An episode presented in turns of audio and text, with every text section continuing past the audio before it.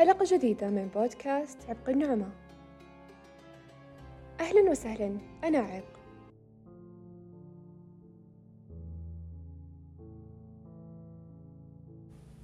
تعرفون من سكن قبل البشر على كوكب الأرض؟ الجن صح؟ أيوة قبل البشر كان ساكن فيها الجن بس من قبل الجن؟ لو افترضنا إن الجن هم أول من استعمر كوكب الأرض كذا بنعارض الرواية القرآنية بخصوص ظهور مخلوقات قبلنا أي قبل البشر. فحين أخبر الله ملائكته بأنني جاعل في الأرض خليفة خليفة اللي هم الخلف والخلف لا يأتي إلا بعد سلف أي قوم قبل هذا الخلف. يعني باختصار كلمة خلف ما راح تنقال إلا إذا كان في قوم قبل هذا القوم. فردوا الملائكة على الله أتجعل فيها من يفسد فيها ويسفك الدماء؟ وهنا قالوها عن سابق تجربة. يعني عارفين إن في قوم استعمر الأرض من قبل وعاث بها الفساد. طيب لو افترضنا إنهم يقصدون الجن هنا لأنهم القوم اللي قبل البشر برضو بيكون كلامنا خطأ. لأن المفسرين اتفقوا بأنهم ليسوا الجن بدليل من يسفك الدماء. الجن خلقوا من النار فكيف يسفكون الدماء وهم لا دماء لهم؟ في كتاب البداية والنهاية لابن كثير تكلم عن القوم اللي استعمروا الأرض قبل الجن وبالتفصيل. لكن أنا بنقول لكم في هذا البودكاست أهم الأحداث لها القوم سالفة القوم وتفاصيلها إلى الآن لم تؤكد مئة بالمئة. بعض المفسرين أقروا بها والبعض نفوها والبعض منهم اختلف فيها. طيب هل إحنا بنصدق فيها أو لا؟ هذا يرجع لكم أنتم وقناعاتكم. طيب خليني أبدأ في الموضوع وأقول لكم من هم قوم الحن والبن. القوم اللي استعمروا الأرض قبل الجن. الحن والبن هم خلق من مخلوقات الله ليسوا من البشر ولا من الجن. ويقال أن من الحن والبن جت مخلوقات ثانية مرة كثيرة ومنها الخن والمن والنس والدن إلى أن وصلت هذه المخلوقات إلى 28 أمة. وفي بعض الأوصاف في الأشكال هالأمم ومخلوقاتها يعني لكن يعتقد أن كل هالأوصاف من إسرائيليات. واللي منها اللي كان عنده أجنحة واللي يمشي على أربع أطراف ومنها اللي راسه راس أسد وجسمه جسم طير. وبعضهم يقولون أن لهم وجهين. يعني تخيلوا وجه من الأمام ووجه من الخلف خلقوا الحن والبن قبل الجن واستوطنوا الأرض وارتكبوا المعاصي والذنوب وقتلوا بعضهم بعضا وسفكوا الدماء. فسلط الله عز وجل عليهم مخلوق آخر عشان يسكن الأرض بدالهم ويطهر الأرض من الشر. وكانت هذه المخلوقات هي الجن. ويقال أن الله عندما خلق أول مخلوق من بني الجن قال له تمنى. فقال أتمنى أن نرى ولا نرى وأن نغيب في الثرى وأن يصير كهلنا شابا. يعني أتمنى أننا نشوف وما ننشاف وأن أعمارنا تكون كبيرة جدا وأننا نقدر نتخفى ما بين الثرى. فأعطى الله الجن وذريته هذه الصفات. فسكنوا الجن في الأرض فقاتلوا الحن والبن. ومزقوهم وشردوهم وقامت معركة كبيرة على الأرض بين الحن والبن والجن وكان الحن والبن من جهة ومن جهة أخرى الجن. وانتهت المعركة بانتصار الجن على الحن والبن ومن ذاك الوقت غاب قوم الحن والبن وما حد يدري هل تمت إبادتهم نهائيا ولا هربوا إلى مكان ما في هذا الكون. وفي معتقدات تقول إن اللي قدروا يهربون من الحن والبن هم نفسهم قوم يأجوج ومأجوج. بس برضو ما في شيء أكيد إلى الآن. ويقولون إنهم هربوا إلى جبال القوقاز بعد خسارة المعركة مع الجن وظهروا بعد خروج البشر. وفتكوا بقبائل الإنس لين جاء ذو القرنين وحجزهم خلف السد الذي شيده من النحاس والحديد حتى يخرجون في آخر الزمان. طيب بعد ما انتصر الجن على الحن والبن في المعركة استفردوا وعاشوا وحدهم في الأرض. وبدل ما يشكرون الله على نعمه عاثوا في الأرض الفساد. وعصوا الله وابتعدوا عن طاعته. فأمر الله جنوده من الملائكة بغزو الأرض ليجتاذوا الفساد والشر اللي عمها وعشان يعاقب بني الجن على ما فعلوه بالأرض.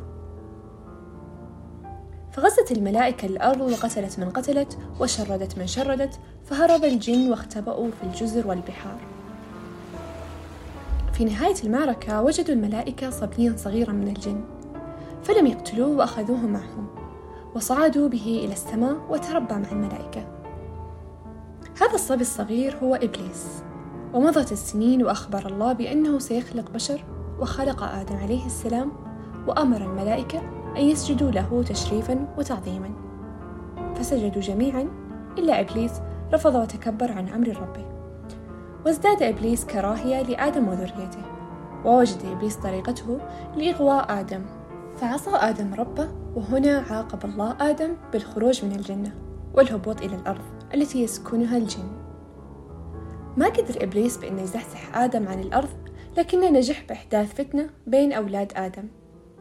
بدأت بقتل قابيل لأخيه هابيل. وبعد وفاة آدم بفترة وتكاثرت ذريته شعر الجن أن البشر ينافسونهم على الأرض.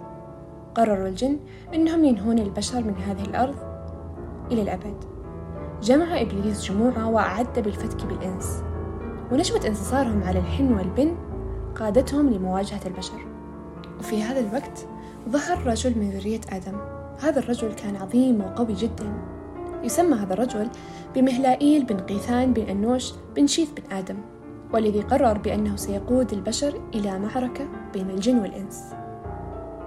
كان مهلائيل ملقب بلقب ملك الأقاليم السبعة. وكان سبب التسمية قيامه بتقطيع الأشجار وبناء المدن والحصون العظيمة والكبرى كما كان على أتم الاستعداد لمواجهة الجن في المعركة الكبيرة. وفي الرواية المشهورة لابن كثير في كتابه الشهير البداية والنهاية التي تحدث فيها عن المعركة التي حدثت بين الإنس والجن قال من خلالها أن مهلائيل قام بتأسيس أقوى جيش من الإنس لمواجهة الجن في معركة كبيرة. السبب اللي دفع مهلائيل لهذه المعركة الكبيرة وتأسيس جيش كبير كان إن الجن حاولوا التعدي على الأرض والاستيلاء على مدينتي بابل والسوس الأقصى. بابل والسوس الأقصى هذه بناها مهلائيل وكانت من أعظم المدن اللي بناها. فلما حاول إبليس وجنوده الهجوم على هذه المدن تصدى لها جيش مهلائيل وقتلوا الكثير من جيش إبليس. انتصر مهلائيل وجنوده في المعركة ففر إبليس وجنوده هاربين إلى الجبال. ومن ذاك اليوم قرر إبليس إنه ما يحارب البشر عن طريق المواجهة بل عن طريق الوسوسة. وكان من أهم أسباب هذه المعركة بالنسبة لمهلائيل هو القضاء على الغيلان. والغيلان هم جنس من الجن يتلونون ويتشكلون في صور. فكان مهلائيل يبغى ينهي وجودهم على هذه الأرض. وبعد عدة قرون أرسل الله سبحانه وتعالى نبيه محمد عليه السلام برسالة خالدة. فاستمعوا نفر من الجن إلى القرآن الكريم. فتعجبوا من نسوق آياته وبديع نظم سوره وجمال تعبيرها وبلاغة كلماتها فقال هذا النفر حينما رجعوا إلى قومهم إنا سمعنا قرآن عجبا في سورة الجن.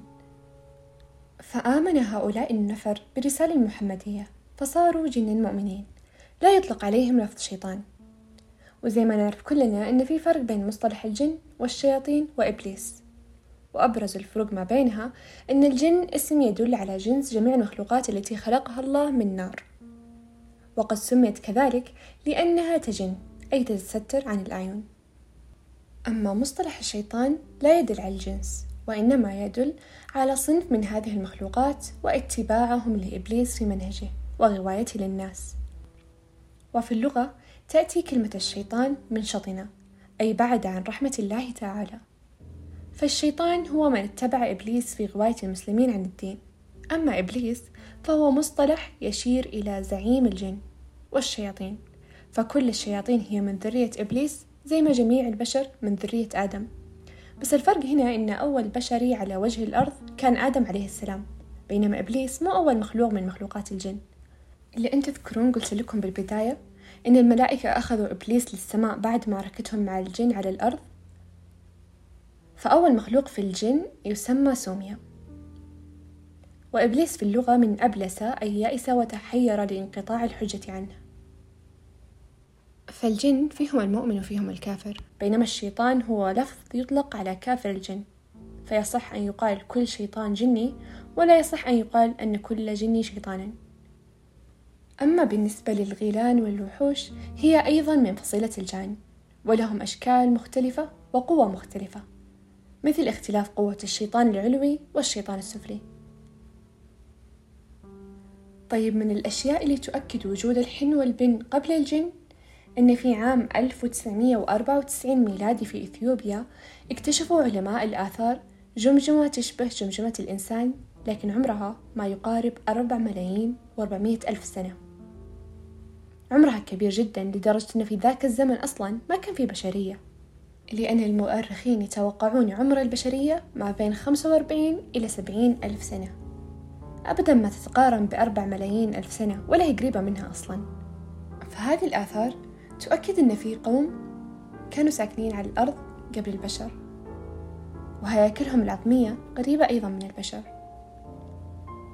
الجمجمة اللي لقوها في إثيوبيا انقسم الناس في تفسيرها لأكثر من قسم.